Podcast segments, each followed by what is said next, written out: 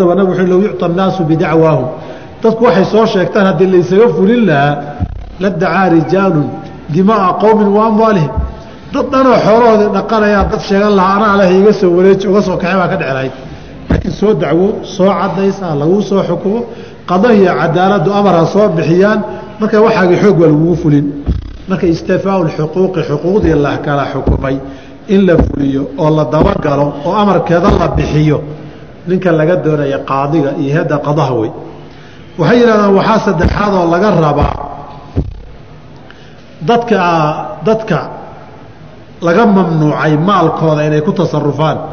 Oo ama safiiha ah ama majnuunka aan weli qariiba lahayn iyo waxa lamidka ama aytaamta yaryarka aan aabalahay iyo cid mas'uulkaa lahayn xoolahooda hantidooda dayeelkooda iyo maamulkoodana hay'adda qaduu hoos tagaa iyagaa cid u magacaabi iyagaa ciddii ku xadgudubta ka qabani iyagaa wixii dan u ah u eegi iyagaa xoolahooda lagala tashani iyagaa waxay samaynayaan ogolaanshiyo diidda bixin.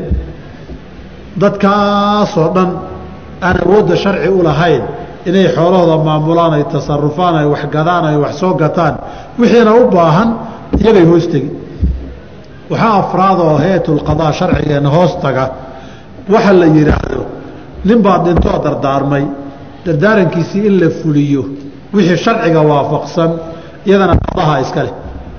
Ninkii dardaarmay dardaarankiisii warafadiisu hadday fulinayaan waa inay qaduhu uu kormeeraa oo la ogaadaa horta la xaqiijiyaa ninkan waxaan inuu dardaarmay macadda. Ma sugan tahay? Marka uu sugnaada sharciga ma waafaqsan tahay markay waafaqsanaato siday ahayd ma loo fuliyey oo waxay hadda qadaha sharciga hoos taga oo kitaabu alaqdiyati qudaaduu hoos imanayaa waxay yidhahdaan waxaa shanaadoo hoos taga.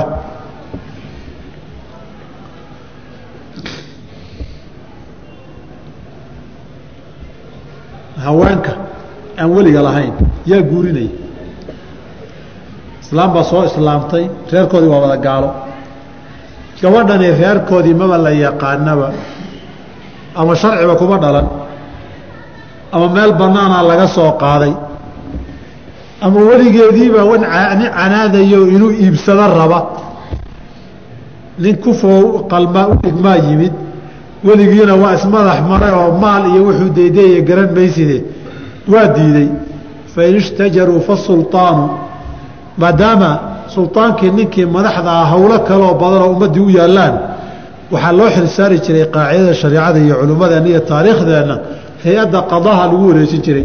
Inay xaqiijiyaan qofkani weli ma leedahay mise maaha haddayna weli lahayn qofka la raba in loo guuriyaay qof xilkeeda qaadi kara ma yahay mise maaha weligan diiday ma sharci buu u leeyahay mise uma laha hadduusan u lahayn amar in la siiyo la yihahda hawsha fuli hadduu diiday in xilkii lagala wareego hawshii la fuliyo arrimahaasoo dhanna hay'adda qadaha iska leh oo hay'at lqadaa iyo qudaaday hoos yimaadaan.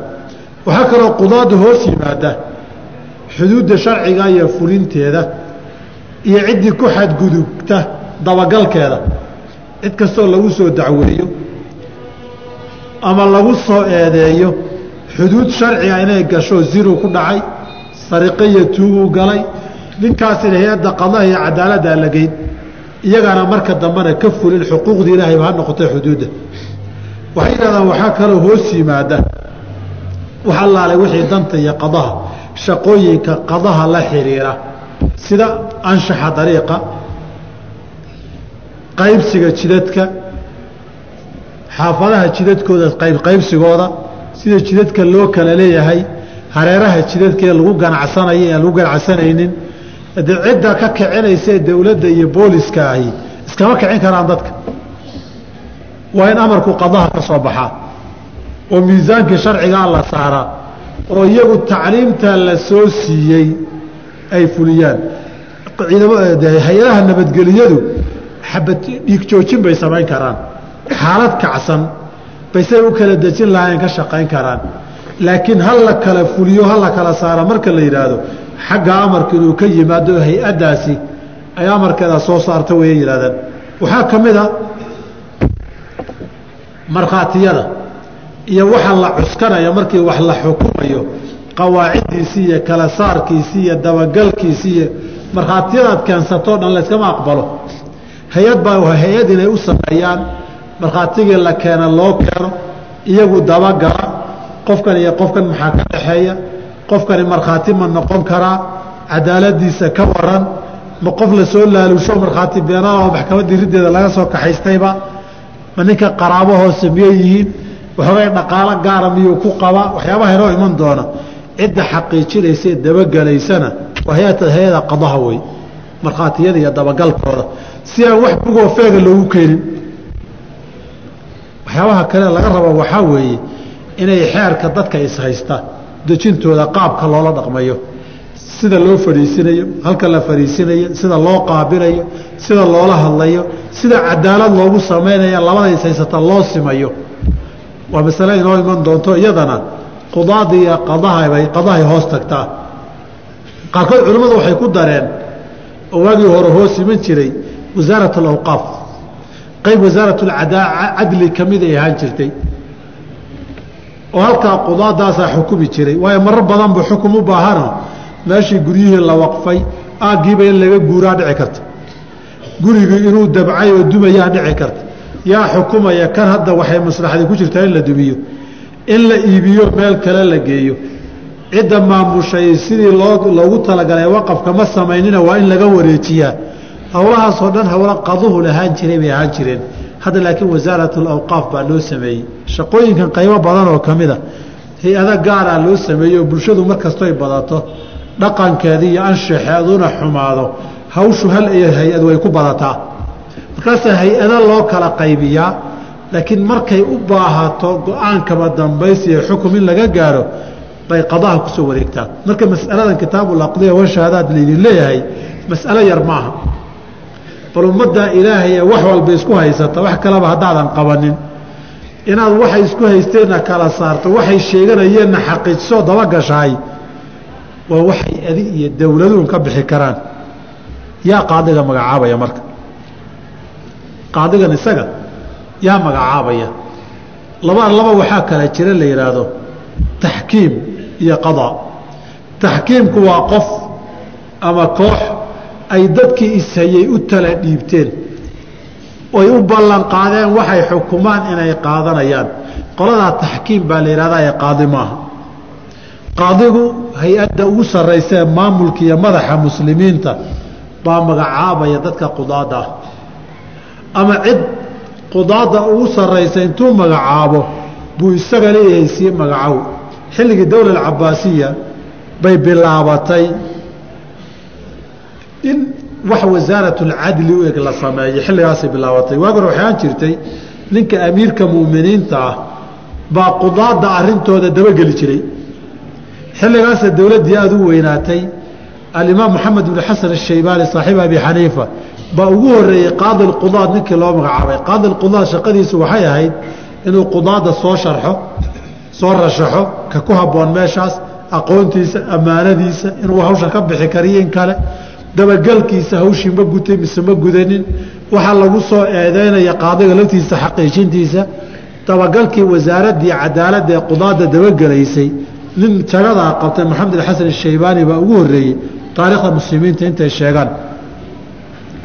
Marka dowladdii haddayna dowladii jirin yaa magacaabaya. Haddaan dowlad jirin qaadiga yaa soo magacaabayo cid wilaaye leh aanay jirin fuqahada jamhuurtoodu markii shaaficiyada laga reebo masaladaa way fududeeyeen.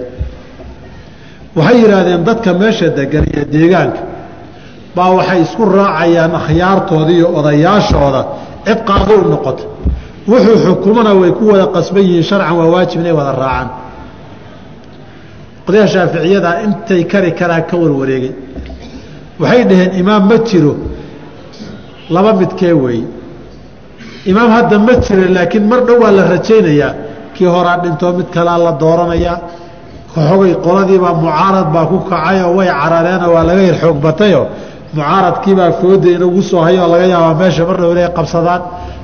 Taasoo kale hadday tahay madax cusub la sugayo. Wax qaadida lama magacaabi kara yidhahdeen haddaan la sugaynin meel inoo dhow oo qudaad lahoo madax lahoon aadnoon maxkamad iyo isula aadno inaan heli karna aan la fiirin bay shaaficiyadu yihahdeen haddaynaan heli karin haddaan heli karno qaadi looma baahno haddii meel la aadana lama hayo. Nin madaxana ma jiro. Wax la filayo maalmahan iyo ifaalo soo muuqdana ma laha. Markaa waxay dhaheen dadku way isku raacayaan. Hadday isku raacaan ninka ay isku raaceen baa qaadi u noqonaya. Laakiin horta kow waxay yidhaahdeen shuruudaas in la wada helo way. Imaam inaan la rajaynaynin meel kaloo la gaaro waa inaanay jirin. Dadka dhammaan waa inay isku raacaan. Dadka isku raacay ee odayaashii akhyaarta beesha ah ama deegaankaah waa inay dad awood iyo garab iyo wuxuu xukumo fulin kara waa inay yihiin. Haddii kale waan ku magacownee xukun wax fulin karoo garabkuugu noqonna ma jiro waa wakti dhuus bay dhaheen wadaadkan baa lalugoynaya wadaad lugooyo wey taa qaadi maaha taxkiim iyo baabkii hala aado marka daba magacowgiisuna labadaa qaab buu ku yimaadaa hal masala aan ku gebagabeeya marka? Muqadimada iyo horudhacaas qadiyada lafdigaa ku saabsan. Haddii muslimiintu iyo gaaladu wada nool yihiin mid waa la gartay oo hadday awoodda muslimiintu leeyihiin gaaladuna ku dhex nooshoo dimadii ay tahay. Muslimiintu qaadi waa u magacaabi karaan qaadiga muslimiintana way hoos iman karaan.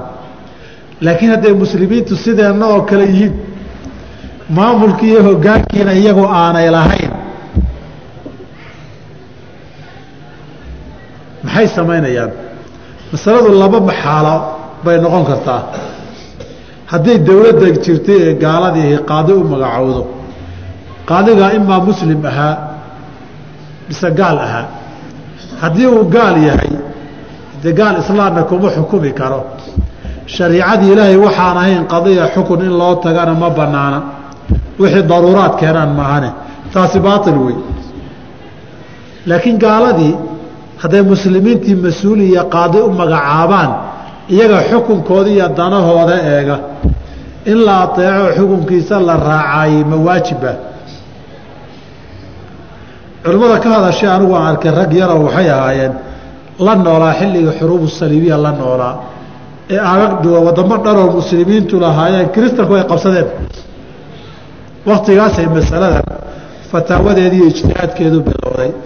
Ragga ka hadla u badan waxaa ka mid a alciz bn cabdisalaam faqihii shaaficiga ahaa ee sulطaanulculamaa xilligaa la baxay wuxuu leeyahay hadday muslimiinta dhulalkooda qaar ka mida gaalo qabsato oo nin qaadi oo muslimiinta ka midoo danahoodii iyo xukumkooda diintooda ku kala saara u magacaabaan wajaba aacatuhu wa nafada xukmuhu warkiisa in la qaatana waa waajib xukunkiisa in la fuliyana waa waajib gaal baa kuusoo magacaabe waayo waxna ma magacaaban kartid cid diintii ku kala xukunta haddaan la helinna ummaddaa isku dhex yaacda wey waxa soo harayna xukun gaal hala aadaa soo hari.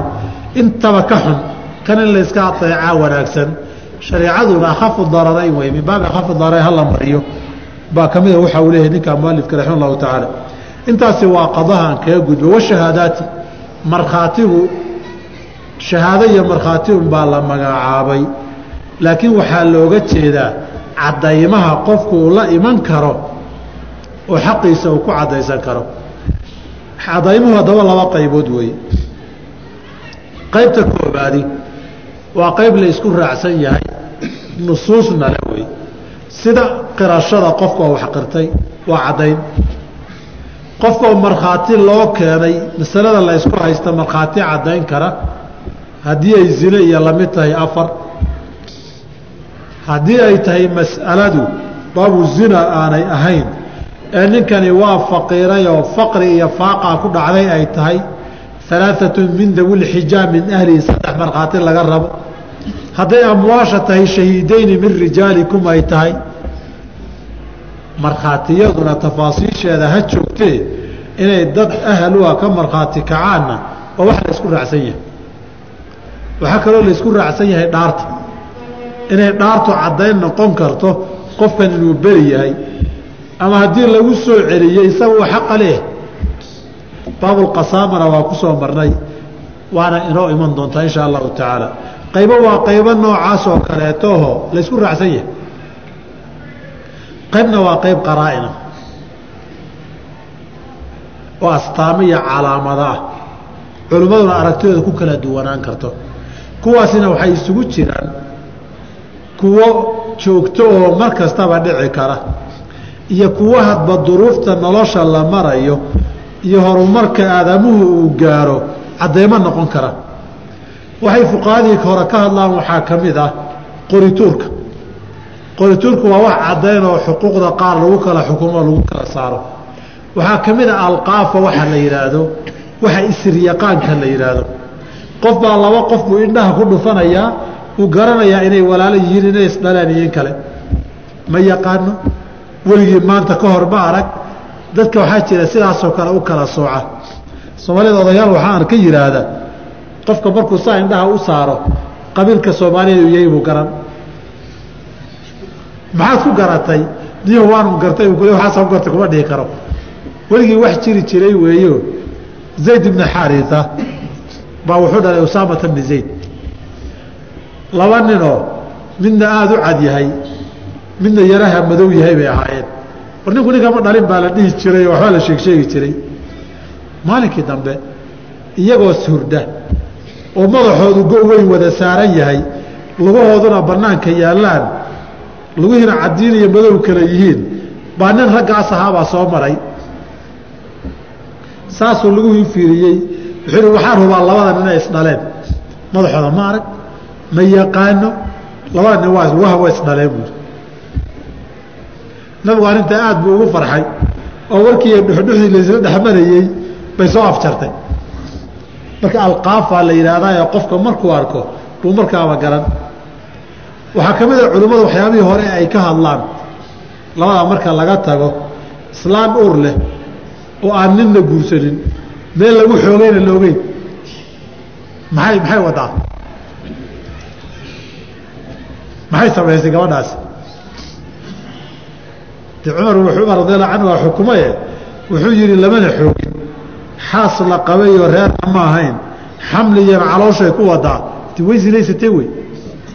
Waxaan soo marnay baabulkhamri ninka hadduu khamri mantago maxay arrintaa tilmaamaysaa? Inuu cabbay soo maha oo xaddii laga fuliyo qaar waxaa jira kuwaas waa kuwii hore tusaalayaal ka mid a waxay hore ka hadlaan waagii hore qoraalka. Ninka khadkiisii la garto qaraa'inka weeye laxolu xukumo. Waxaa ka mida shaabadiisii hadda waxaa labadaa ku biiray saxiixii baa ku biiray. Hadda waxaa nagu cusub ee nagu soo baxay. Farihii meel la saarayey. Qofka farihiisii la helay. Waxaa nagu soo darmaday. Waxaan la yidhaha d n a-ga la yidhaahdo. Qofkii haddii laga helo ay waafaqaan. Qaraa-intu waa waxyaaba nolosha mar waliba wax ku soo dari karto waxna laga tegi karo oo la dhaafi karo. Waxyaabaha saasoo dhani waxay ka mid yihiin cadaymaha albayinaat iyo wasaa'ilu اlihbaat iyo ashahaadaad baabkaas soo gudagalay ka mid yihiinoo iyagana insha allahu tacaala waxbaan ka arki doonaa. Haddaba baabu shahaadaadka daahirka wax walba axkaamta shariicada la raaci daahirkaa la xukumay baa la wada qaadan xaqii hadday khilaaftana way dhici kartaa ida ijtahada alxaakimu fa asaaba falahu ajraani wain ijtahada fa akhطaa falahu ajru waaxidu waa dhici kartaa. Kolaba ninkani haddii uu dadaalay dadkeediina ahaa isagu ajirma waayo weeye qaadigu laakiin shuruudan haddii laga helo wey walaa yajuusu ma banaana an yeliya alqadaa'a qadaha inuu tawaliyo oo wax kala xukumo ilaa man istakmalat fiihi qof ay u dhammaystirantay khamsa casharata khaslatan shan iyo toban tilmaamood iyo sifo. Qofkii laga helay maahane qof kale waxba kala xukumi karo. Warkan isku soo ururiyo shanta iyo tobankaa haddaan lagaa helin xadiid baa kuu yaalla wey. Kow alislaam dadka muslimkaa ninkii qaadi u noqonaya kala xukumayaay horta waa inuu muslim yahay isagu. Sababtoo ah ninka qaadigiihi dadkan islaam in lagu kala xukumaa la rabaa. Islaam nimaan rumaysnayn? Ilaahayna aan kaga cabsanaynin. Hadduu axkaamtiisa khilaafana naar baad ku geli aan lahayn horta diintee kugu xukumi. Horta ninka xukum islaam fulinaya ee qaadi u noqonaya isaga horta waa inu muslimya haddii aanu muslimba ahayn inuu muslimiintii qaadi u noqdoo fadhiiso yihaahdo kan xir yihaahdo kan samee yihaahdo walan yajcala allaahu lilkaafiriina cala almu'miniina sabiila. Tayda lababa ogolaba saa darteed qaadigu waa inuu musliya. Waa shardiga koobaad hal mar baa wax laga soo reebaa. Haddii gaalo qaadi loo magacaabayo iyaga kala xukuma. Nin iyagii kamida ma loo qaadi ma looga dhigi karaa asaxiixu laa laakiin hogaamiye madaxeed baa loo samayn karaayo wixii annaga aanna soo gaarin iyaga kala maamula iyaga kala haga heshiisiiya ay u dhatala dhiibtaanoo u garnaqa waa loo samayn karaa laakiin sifatu lqaadi ma qaadan karo laba walbuluuqu inuu qaangaar yahay ilmo sabi ah wax kala xukumi karo waayo falkuu sameeyana dembi sharci looma qabsado oo nin dembi ka cabsanaya ma aha. Markhaatigiisana lama aqbalo. Tiisana ma maamulo. Sideebu haddaba maamul iyo qado iyo xukun muslimiin ma qaban karo? Shilimaadkiisiibaba loo ogolayn iyo maalkiisa isaga inuu maamule. Waxaa lamida walcaqlu nin majnuuna ama handhikaab maskaxaanu ah looma dhiibi kara qadaha waa inuuna caqligiisu dhammaystiran yahay weliba caqligaa lagaaga hadhi maaye. Waa inuusan damiin ahayn ninka qaadiga laga dhigayo. Iyadaa iman doonta waan yakuuna mustayqidan. Waalxoriyatu inuu xor yahayna waa shar oo addoon nin leeyahay oo meeshuu doono u dirsanayo oo hadduu doonay isagoo qadiyadii ku dhex jira uu iibinayo oo sida mahalkii loola macaamilayo dee muslimiin qadahooda iyo maamulkooda ma loo dhiibi kara ninkaasi wadukuuriyatu inuu rag yahayna waa shardi markuu qaadi noqonayo. Haween qaadi ma noqon karaan. Nabiguna ala sl xadiidkii bukhaari wariyey iyo abi bakrata bn xaari اthaqafi waa kii ku yidhi lan yuflixa qowm wallow amrahum imra'atan. Marnaba ma liibaanaan qolo xukum iyo tala u dhiibatay haween wadaad xadiidkan diidanaa baa wuxuu yidhi wallowda waa maqri jiray buui wallow waa maqri jiray. Dadkaan xadiidka garanaynin waxuu ka hadlayana aanaanu fahamsanayn wallowda waan maqri jiraydiisa ma garan karaan. Laakiin wallow waa maqri jiray markuu ku leeyahay xadiidkan uu diidan yahayo wallow amrahum imra'atanta wey lan yuflixa qowmu wallow amrahum. Wallowda waa maqri jiray buui haweenku marna waa nas. Marna qawaacidda sharcigoo dhan baa waxay diidaysaa qaadi inay noqdaan. Marka koowaad rag iyo dumarku qadihii laba nin baa isqabsan. Qof rag iyo qof dumarana waa isqabsan. Markhaatiyaal baa la keeni. Markhaatigii rag baa ku jira dumarna waa ku jiri karaan. Yaa hor fadhiisan oo raggan maantao dhan hawo dumarkii iyo raggii ha kale xijaabnaan ha asturnaan ladaan la yidhi. Balkaanay u fadhido maantao dhan ragga la jaqjaqlaysa sooma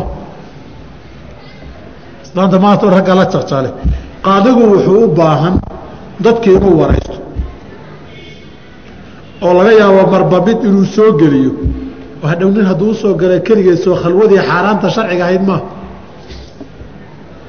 khalwadii xaaraanta ee sharciga iman soo maaha masaladii qadihii in maxkamaddii la yimaado soo inay maxkamadda maanta timaado idanka ninkeeday u baahan tahay.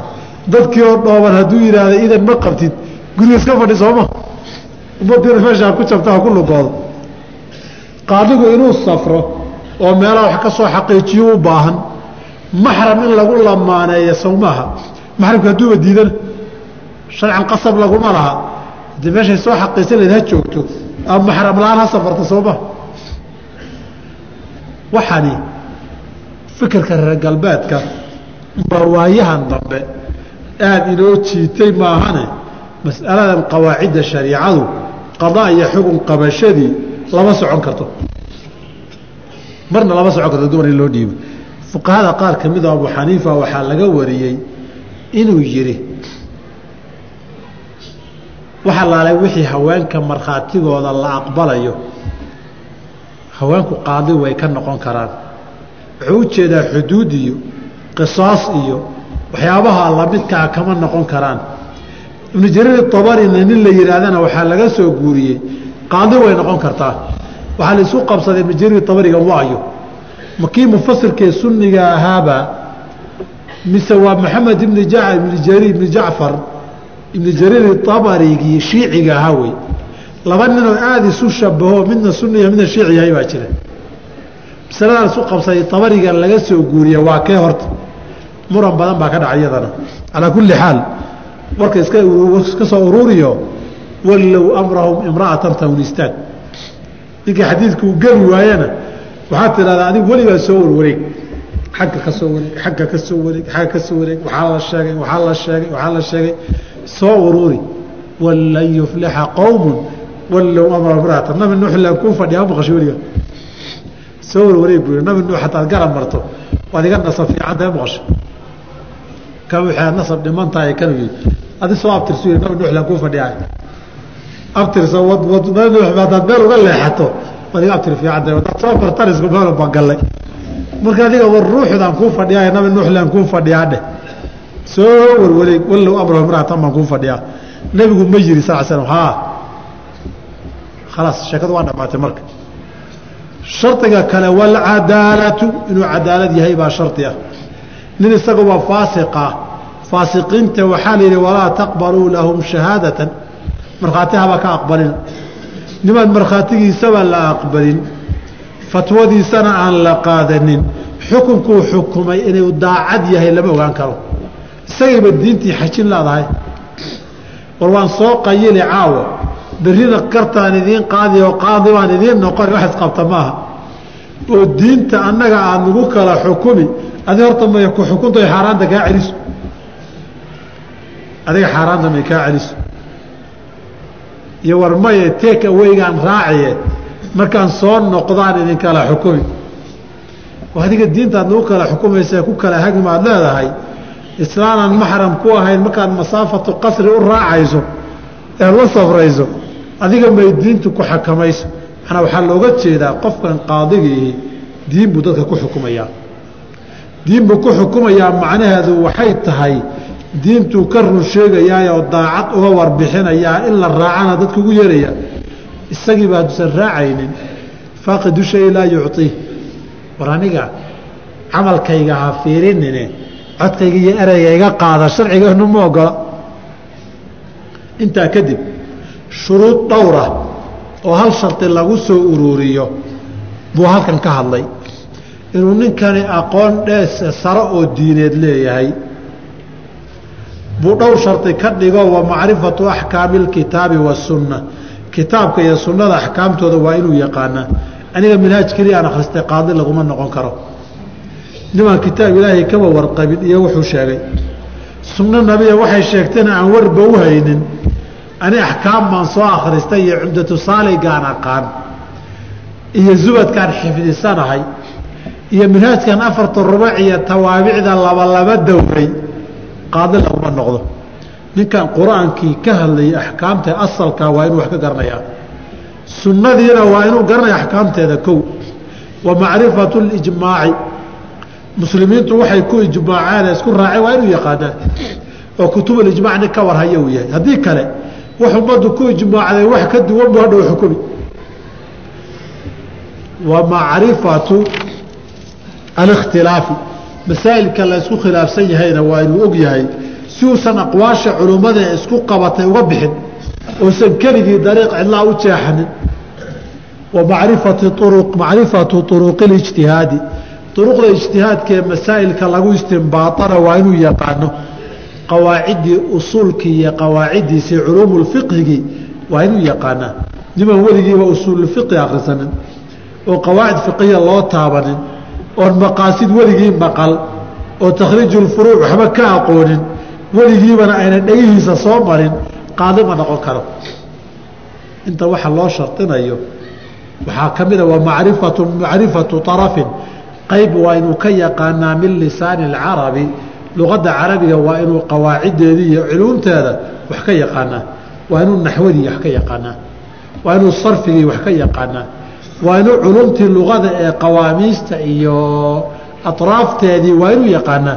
Sababtoa jumalka iyo taraakiibta kutubta ku qoran mararka qaarkood hadba saad u higaadisay noqotaa ereyga tasriifka uu galayna asalkiisi inaad saad macnihiisa u dhuuxda bay gashaa ani naxwe ma aqaano sarfina ma aqaano balaaqana weligay ma kala bixinin. Adabna warkii iska badaa qaamuus maxaa la dhahaa hadday kaa taagan tahay wamacrifatu tafsiiri kitaab illaahi tacaala kitaabka ilaahay sida loo tafsiiriyana waa inaad taqaano. Oo qawaaciddii tafsiirka aad taqaano. Oo culumtii tafsiirka la xiriirtayna waa inaad wax ka taqaano wey. Intaa maxaasaa loo leeyahay masaa'ilka qaadiga u imanayaay waa masaa'ilka nolosha bini aadamka hor yaalle maalinba qadiyad cusub baa ku mari. Maalin waliba qadiyad cusub baa ku mari. Kutubtii iyo culumtii haddaadan ka warqabin qawaaciddana aadan garanaynin horta mas'alada meeshaad u dooni lahayd ma xadidi kartid. Sideedaba mas'alo markuu qofku kitaab kala soo baxayo waxna waa mas'alo hore u dhacdoo kitaabka meeshay kaga qorayduu xarafkeedii xasuustay. Waxna waa mas'alo haba ku qoraata kutubtee sidan aan ugu qorayn qaabkan aan ugu oolin. Mas'aladii ninku waa inuu qawaaciddeedii horta iyada qiimeeyaa. Ou yidhahdaa mas'aladan sidan loo hadlay. Markuu sharcan qiimeeyo qaabkaa baabkay gelaysa waa inuu gartaa markaas. Kutubtii culimmada markuu aqriyo ninkii ereygaa maray iyo ninkii ereygaa maray ee laakiin nuxurku isku mid yahay waa inuu luqadii iyo qawaaciddii garanayo isu keeni karaa. Masaladaan horey looga hadlin ama culimmadu isku qabteen qawaacidda daliilka lagu kala rajaxaya waa inuu wax ka garanayaa waxaa soo haray qadaa lmuqalid baa soo haray. Nin xarafkaa minhaajkumaan xukumi yidhi laba way xooggiisu. Qaybaan xarafkeedu minhaaj ku qorayn. Meeshuu ka keeni lahaa baa la rabaa hadduu dhihi ardadii waa ila soo gaartay waa ila soo gaargaardheeri meelo kale aadana la garay. Marka koowaad saataan xarafkeedu minhaajka ku qorayn ee masala cusub oo timida baa laysula kaa iman. Maalin kasta xaajooyinka iyo qadaha aan gallana mar kastaba qadiyad daraf ama iyadaba cusub ama daraf cusub wadata baa ku iman ood u baahan culimmadu masaa'ilka shabaha waxay ka yidhaahdeen. Inaad shabahii caddaysatay u eg tahay etay ka duwan tahay. Ekaanshahiiyo duwanaanshahan maxaa qawaacidda sharciga saamayn leh? Maxaan saamayn lahayn? Masalo uu xaraf minhaaj keliya aan aqaanaa nin yidhi uu xukumi kara ma aha. Saas darteed xaraf minhaaj keliya ninkii xukumayey qaybtaan xaraf minhaaj ku qorayn meeshuu ka keeni lahaa baa laga rabaa.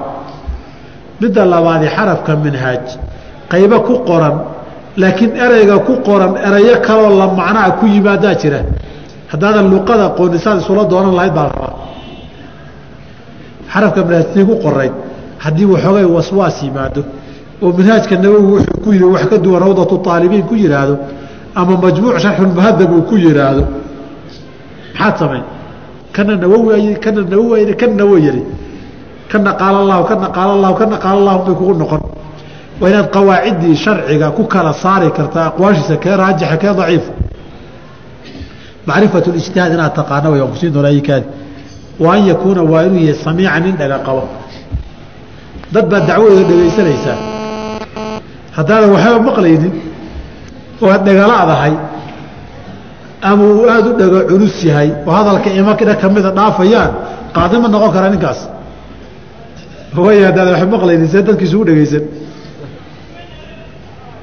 haddii hadalladii in badan ku dhaafayaan garta seed u naqi nin dhago olihiya nin aada u dhaga culusi qaadi ma noqon kara isagana ka saar meesha. Wa an yakuuna waa inuu yahay basiiran mid indha qabo waxarka nin indhoola qaadi ma noqon karo. Sababtoo a dadka markii qadaha la kala xukumayo qofka hadda ku yimid iyo hadhow qofka imanaya qofku qofkii ma yahay mise maaha qofkan la haysto eed xukumayso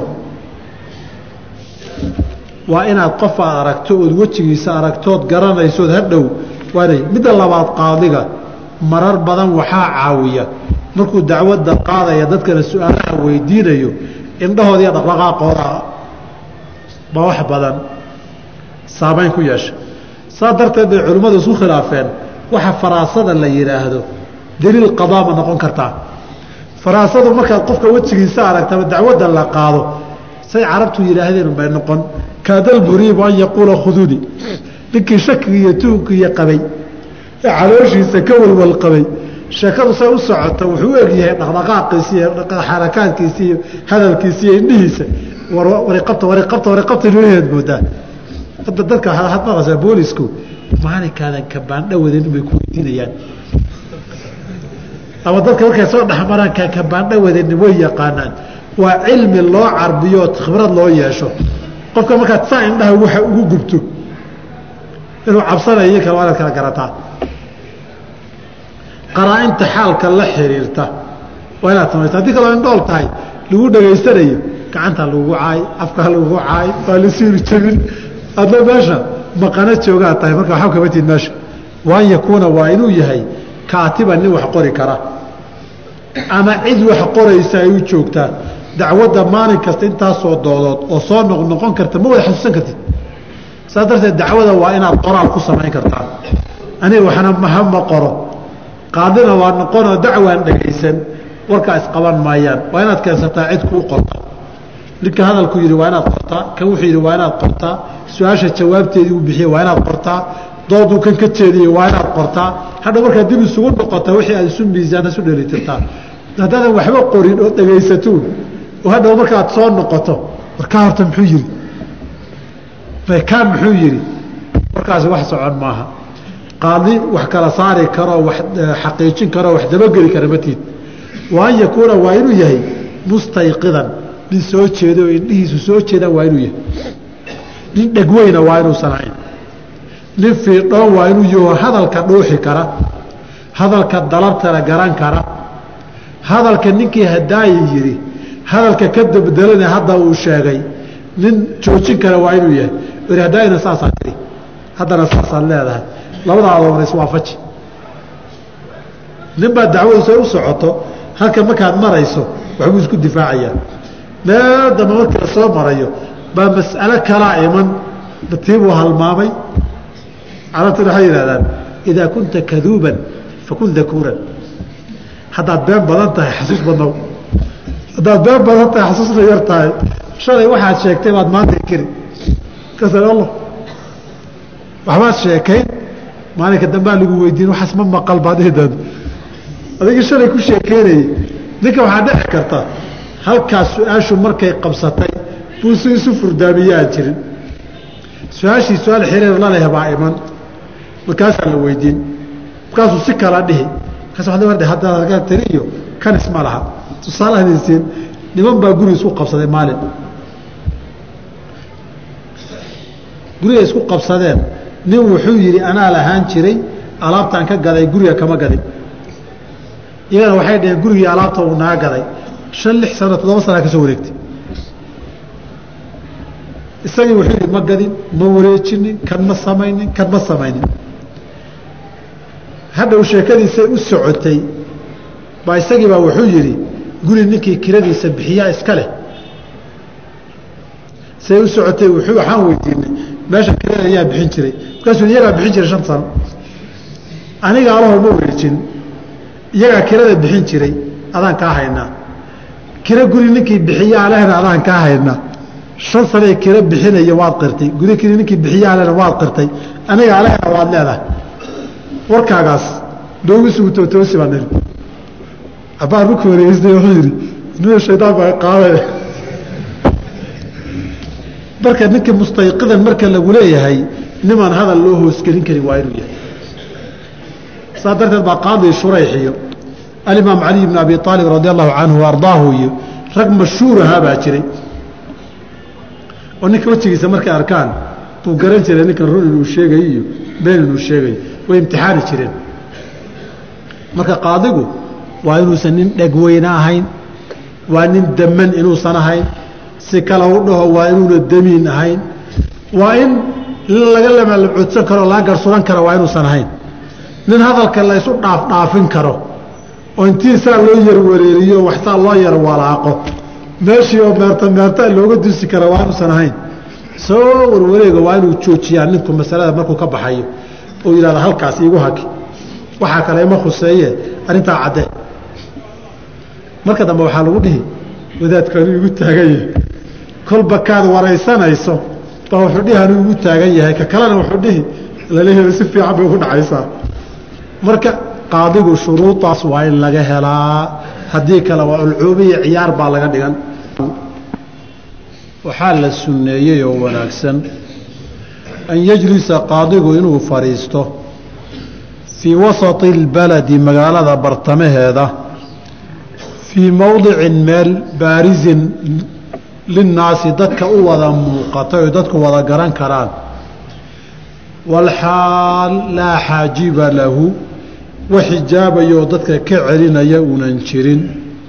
Walaa yaqcudu ma fadhiista lilqadaa'i xukunka masjidi uma fadhiisto halkan wuxuu ka hadlayaa qaadigu xaggee fadhiisanayaa oo dadku kala xukumaya markii qaadi la magacaabo dadka waa qof xilka iyo mas'uuliyadda uu hayaay ummadda iyo mujtamac oo dhan u baahan yahay.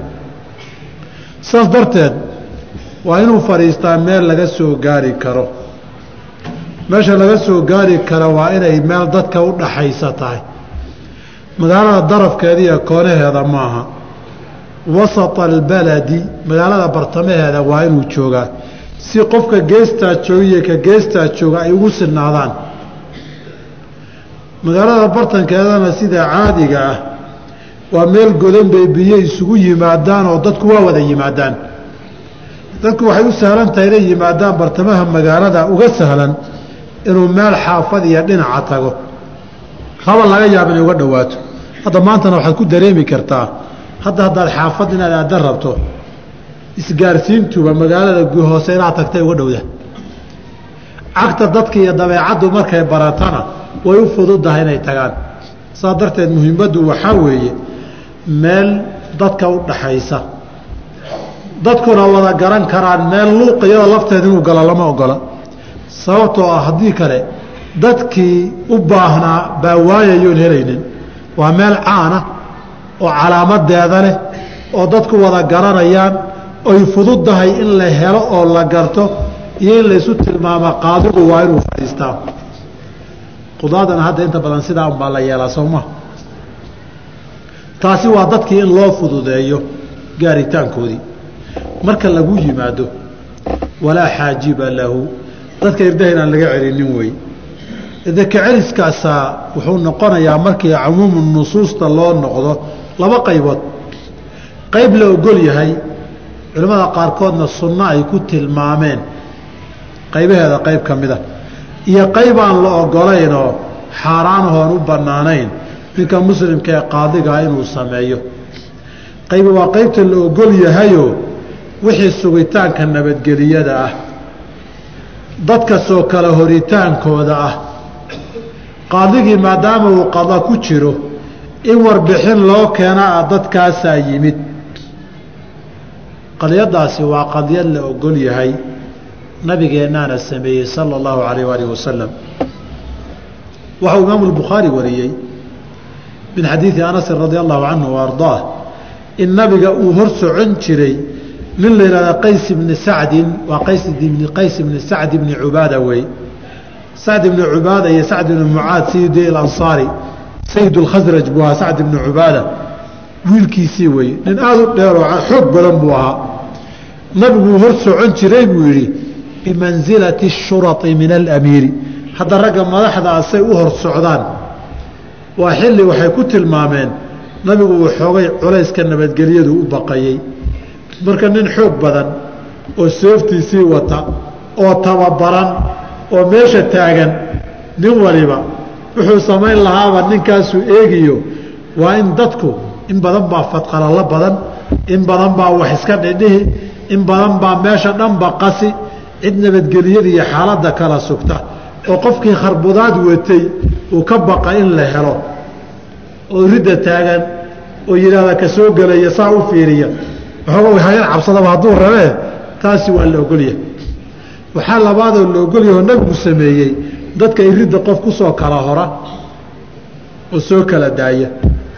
Qofka yimidna intaanu soo daynin riboodkiisa iyo warbixintiisa soo gudbiya. Ninkii receptionka joogay soo maa ama secretariga dhihi jirteen hadda. Nabig ala sl slam xataa isagoon gurigiisa joogin buu maalin meel beera iyo ceel buu iska aadayoo wuu iska fadhiistay. Abuu muusa alashcari baa meeshii beerta iridda laga soo gelayey buu xabaab noqdo iriddu istaagay wuxuu ka shaqaynayay ninuunan isagu fasixin uusan nabiga u gelin. Abuubakar oo socdaa yimid. Sug buu yidhi nabiga ma jooga halkan waan soo raad qaaday nabige. Halkan uu soo ila soo galay raadkiisiiya ma joogaa haa wuu jooga laakiin halkaas sii buu yidhi. Nabigu u taagsan wuxuu rasuulka ilaahayow abuubakar baa taagane ma ogolaadaa markaasuu yidhi haa wabashirhu biljanna jannana ugu bishaaree uu soo noqdo wuxuu yidhi gal halkiibuu kaga hadhay isagu haddana raadkii cumar oo haya baa soo istaagay. War nabigaan raadkiisa qaadaya abubakare halkanuu raadkeeda soo galee ma joogaan. Haa laakiin sug. Wuu tago rasuulka ilaahay cumar baa taagane ma soo daayaa buuri markaasuu yihi haa soo daa. Wabashirhu biljanna janna. Ugu bishaaree waa soo noqday. Markaa way markuu leeyahay walaalkay abu caamir alashcari ilaahay hadduu khayr la doonay maantunbuu iman ka socotee ilaahu maanta buu yidhi wax yar kadibba gow gow war waaye waa cumaan maxaad rabtay? Raggii baa raadkooda meesha iga soo galee ma joogaan sug. Rasuulka ilaahay cumaan baa taagan. Markaasuu yihi soo daa wabashirhu biاljannati calaa balwa tusiibu. Adduunkana waa lagu imtixaani doonaa buui imtixaankii loo dili doonuu tilmaamay nabig ala slaam isna waa soo daayey arintaasi nabiga nin baabay ridda u taagan oo kolba ninkii yimaada warbixintiisa geynaya oo markuu warbixinta geeya amarkii la soo siiye soo soo daada sulinaya taa nabigaaba sameyey sal sal slam laakiin albaab samaysiga la diidan yahay. Tan dambe horta kala horumarintu. Waxay yidhaahdeen marka qaarkood waajib bay noqotaa.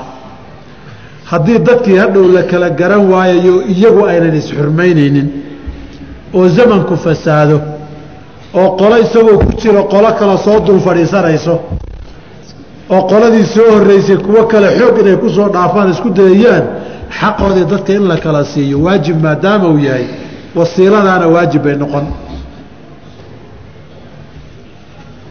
Qaadigana way u fiican tahayoo dadku say u kala soo horreeyeen inuu ogaado. Qolo walba qadiyadday u yimaadeen inuu ogaado waxay kaloo ku kala ku kala fiican tahay dadka u yimid. Yaa xukun iyo gar ugu yimid. Yaase salaan iyo booqasho ugu yimidna ninka riddiisa u soo kala caddayn. Saa darteed laba xaaluu qaadigu iska ilaalinaya kala ilaalinayaa nin baa kuu yimid madaxa. Waxaa la weydiin muxuu kugu yimid. Macnaa seed u qaabili ood u soo dhoweyn waxay ku xihan tahay si muxuu kugu yimid. Hadduu booqasho kugu yimid inuu istaago oo uu salaamo oo uu soo dhoweeyo oo uu erayo wanaagsan kula hadlo waa loo ogolyahay. Waayo u yimid. Hadday laakiin dad iswataan oo gar u socdo gaar uma soo dhoweyn karo gaarna uma salaami karo si gaarana uma qaabili karo.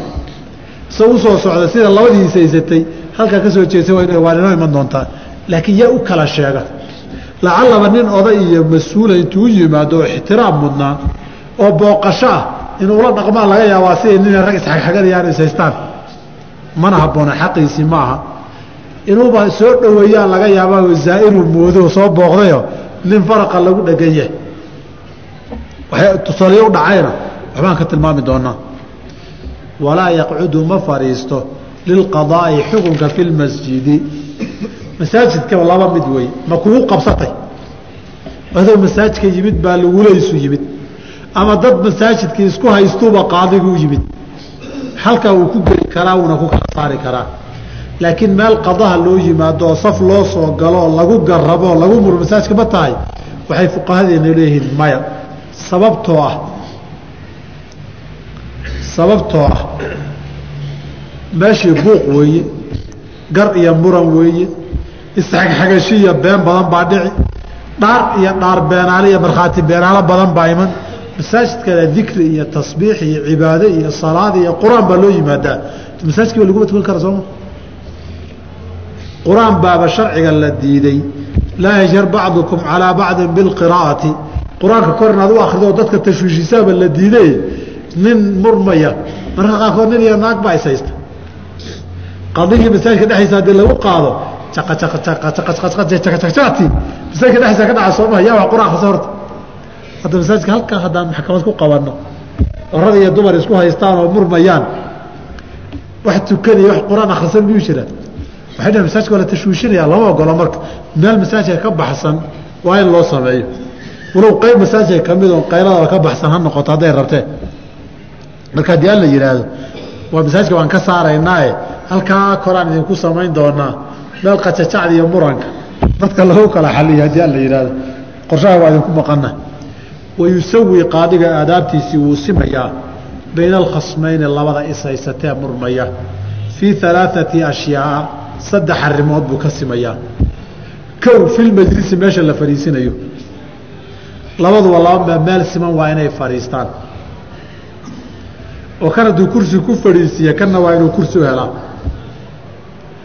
Hadduu kan dhulka fadhiisiyana kanna waa inuu dhulka fadhiisiiyaa hadduu midkan hortiisa fadhiisiya ka kalena waa inuu hortiisa fadhiisiiyaa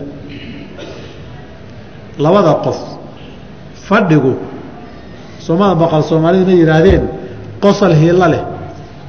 Qosol waa hiilo labada nin su u qoslayo salaanta muusoodka fiirinta wallafdi ereygu kula hadlayo iyo wallaxdi daymada iyo fiirinta inta waa inu u sima midna markuu hadlaya waan foorari midna waan dhegaysanoo si fiican baan u fiirin lama ogola cadaalad maaha. Labada nin inaad kale xigsanaysay tilmaamaysaa. Ninna erey qabow baad ku tiri. Ninna erey yar qallafsan baad ku tiri. Iyadoon sababkeenay jirin. Hadduu nin qalad sameeyo qaladkii may inaad tidhahdo hadal ku adkayso waa la ogolya laakiin markii horeba nina si qabowbo fiican baa u soo dhaweysay nina kan muxuu ahaa baa tihi waray maxay rabtay? Taa waxay kutusaysaa inaad jaa'ir tahay daalima. Laba wadaad baa waa isqabsaday qisada aabbahay baa iiga sheekeyo yidhi waan joogay. Labadii wadaad isqabsaday wadaad bay maxkamadda isula yimaadeen. Labada wadaadee ishaystana waa raggii minhaajka iyo axkaamta yaqiinay. Ninkani labada wadaad mid buu yaqiinay. Oo magaalada ninka masjid jaamica kitaabka ka akriya ahaa. Sheekh jaamac la yihahdo ninka kalena wadaad meesha iskaga marti ah buu ahaa. Oo sheekh maxamed iraad la dhihi jiray. Ninkii markay soo galeen unbuu wuxuu yidhi war wadaadkan iyo sheekh jaamaca baa is haysta miyaa wadaadkii kale wuxuu ar adiga horta jaa'iraa tahay bu awi fi lafdi ereyga aada noo simi lahayd awe sheekh jaamac iyo wadaadkanaa tiri adig maba gelay garteeda maba gelaysid bu jaa'iraa tahay adiga wadaaddo kalaa loo yeero uu ka helay garti. Inay jawrta tilmaamaysa inuu labada nin mid si gaara garab ugu dabacsan yahay. Marka arrinta cadaaladdu haddaad tiraahdo warniyahow markaan raggan wada nimid wadaadku salaan qabow u salaamay. Kuwa kaluu salaan qabow u salaamay. Marka salaan qabow inaan ku salaamo wey markii qadiyadan dhammaateen wax kale isugu nimaadno ilaahu kor baan kuu xambaar haddaan rabo. Majliska waa in la kala saaraa. Markaas haddana fi lmajlisi goobta la fadhiisanayo wallafdi ereyga lagula hadlayo. Nin walba ereyga kulayl iyo qabow gaabni iyo dheerar xaddi u mudan yahay waa inaad siiso. Hadalkana say u kala leeyihiin iyo xaddooda waa inaad u kala siisaa wallaxdi eegitaanka iyo fiirinta. Innagu hadda qof markaad la hadlayso inaadan wejigiisa adigii hadlayay fiirin eed ka yar foororsato xishood iyo sharaf baan u naqaanaa. Qofka xishood badanoo aan aad kuu fiirin karin wayaan dhahnaa laakiin qolyahan galbeedka haddaad tagto markaad hadlaysaa haddaad indhaha ka dusin weydo beenaalaa tahay waxaa sheegaysana waa been markuu ku weydiinaya markaad la hadlaysa haddaadan labada indhood ka dusinin. Ood xataa wax yar fiirfiiriso. Wuxuu isoo fiirin waayey beentii waayaa lagu leeyahay. Waxna waa ka jiraa ninka been sheegaya aad waxba fiirin karo. Taa waxbaa ka jira. Saa darteed labada nin ninna aad baad u fiirisay hadalkiisa wuu ku gelayaa ninna waad jeedjeedsatay hadalkiisa waad qaadi laadahay wey. Waa kaa dhaadhicilaya muxuu kaaga dhaadhicilaya adiga maadaa ishaysta ninkana dhegayso ninkana dhegayso taana waa sinaanta dacwadana nin walba markiisa in laga maqlo gaar bay u iman doontaa qodobkaas. Walaa yajuusu ma banaana an yaqbala alhadiyata hadiyad inuu ka aqbalo min ahli camalihi dadka shaqadiisa hoos yimaada. Inta uu qaadiga u yahay hadiyad kama qaadan karo. Xajkaan ka imidoo qadiis baan kuu soo gaday meeshaasaan ka imidoo cimaamad iyo cadar baan kuu keenay iyo sheekhaan maanta marti qaaday oon qado guriga ugu sameeyey iyo waxaas lama ogola. Haddaad qaadi tahay halkaaga joog. Wa min hunaa bay habboon tahay qaadigu dadka inuusan waxba ka qaadan oodan baranin dadkay wax kaa soo galaan. Intaa maxaa la diidan yahay? Af wax cuna xisho. Haddii waxaa cunto waran kugu maqan wey warankaa kugu maqanna si unbuu kaaga soo bixi. Hadduusan qof iyo laba ka soo bixinna qolyo badan buu ka soo bixi. Saa darteed baa nabigeena alay slam laba xadiidba uu tilmaamayo. Mar wuxuu yihi hadaaya alcummaali dadka shaqada loo diree shaqada haya hadiyadaha loo keenaya huluulun khiyaamo wey ay qaadanayaan. Waayo ninkan waa waa nooc laaluush ka mida ama toosa ama dadban. Marna wuxuu diray sadaqaad soo ururi ibnulutayba la dhihi jiray. Ninka zakaadkii buu soo ururiye wuu keenay xoolihii uu keenay buu qeybna soo xareeyey qeybna gaar u dareersaday. Warhadha waxaan maxay ahayd baa layidhi wuxuu yihi intana waa sadaqaadkii inantana waa hadiyado la isoo siiyey. Nabigu waa istaagay masaajku istaagay. Wuxuu yihi maxay tihiin rag intaan shaqo u diro xooluhu keeneen intana waa hadiyad la isiiyey intana idinka sadaqadii xoolihii lai diray wey haddii uu saas tahay guriga aabbihi hooyadii muxuu isaga joogi waayey buui bal ha arkay in lagu sadaqaysto sadaqa loo keenay. Bal sadaqa in lagu keenay aad aragtide waxaad guriga hooyada isaga joogi weyey wa hunaaba xadiidkan waxay ka qaateen culimmadu qaadigu hadiyad wuxuu ka qaadan karaa qofkii intuusan qaadi ahayn waxisasiinay ka dhexayn jirtay. Ninkaasi waa nin isagoo guriga hooyadii isagoo joogiya aabbihii wax sii jiray wey nin baad saaxiibba ahaydeen waxbaa idinka dhaxeeyey. Markaad safarta hadiyad baad u keeni jirtay markuu safra hadiyad buu kuu keeni jiray. Ninkiibaa hadiyad kuu keenay waad aqbali kartaa bishardi xilligaa uu kuu keenayo qadiyad taaganoo isagiiyo dad kale isku hayaan waa inaanay jirin. Haddii kale laaluush dadban bay noqon. Haddaa alcumaali guluulun saasuu nabig waxa intaa la adkeynayaa cadaaladda qaadiga iyo dhexdhexaadnimadiisa wax wax u dhimi karaa laga ilaalinayaa saa darteed hadiyad kama qaadan kartid dadkii. Waxba kuma soo hadiyadayn karaan. Qada iyo gaara kuma san waddankan aan joogna hadda qaadigu meel babliga ma tegi karo. Meel babliga makhaayadaha ma iman karo. Wax ka cabo looma ogola. Shah cab iyo shah ka bixin buu baran bay yidhahdeen fuqahadeenna waxay gaareen ninka qaadiga ah. Lama ogola inuu suuqa wax ka soo iibsado dad ha dirsado. Weliba qof isaga inuu shaqaalo u yahay lagu yaqaana ma dirsan karay dheheen. Sababtoo ah xoolaha dadku ku dhici. Oo qaadigiibaa wax gadanaya may bes bes bes bes qiimo intaasaa la dhihi. Xoola dadba halkaa ugu dhiman baa layidhi bal fiiri waraca qaadiga inuu xalaal miirto. Xataa si dadban wax ugu dhuntaan baa laga ilaalinayaa afalaa jalasa fii beyti abihi wa ummihina mid kale aad ka qaadatay. Ziyaaradu xaaraan inaad ka qaadatay tii su'aasha ahaydna su'aal ahaan bay xaaraan noqotay. Oo ta wadaadada gurigooda jooga loo keenayana maxaa xaaraantinimeeyey war nin xoolahan u soo dagaalamay oo ama jiri iyo mooryaan ahaa oo dad xoolaha u soo laayey baa xoolihii intuu soo kaxeeyo wadaad meel iska fadhiya u keeni. Sheekhow muraad baan leeyahay. Muraadkaagii waa heshay ninkaa wuxuu soo doonay ma taqaanaan. Waxaa sheeke ii dhehal la fidiyey. Marba sheekh haddaad u geysay waa dembi dhaaf iyo jannaad heli ninkan xooluhu dadka u laayay janna u soo doonta ku soo doontay. Muraadka uu sheegayee leeyahay dembi dhaaf iyo jannuu gadanayaa wadaadka nii dhehda waa ogyihi uu iska yeelyeelayaa waad heshay muraadkaagii war ninka xoolihiisa ma iyo janna laga siistay?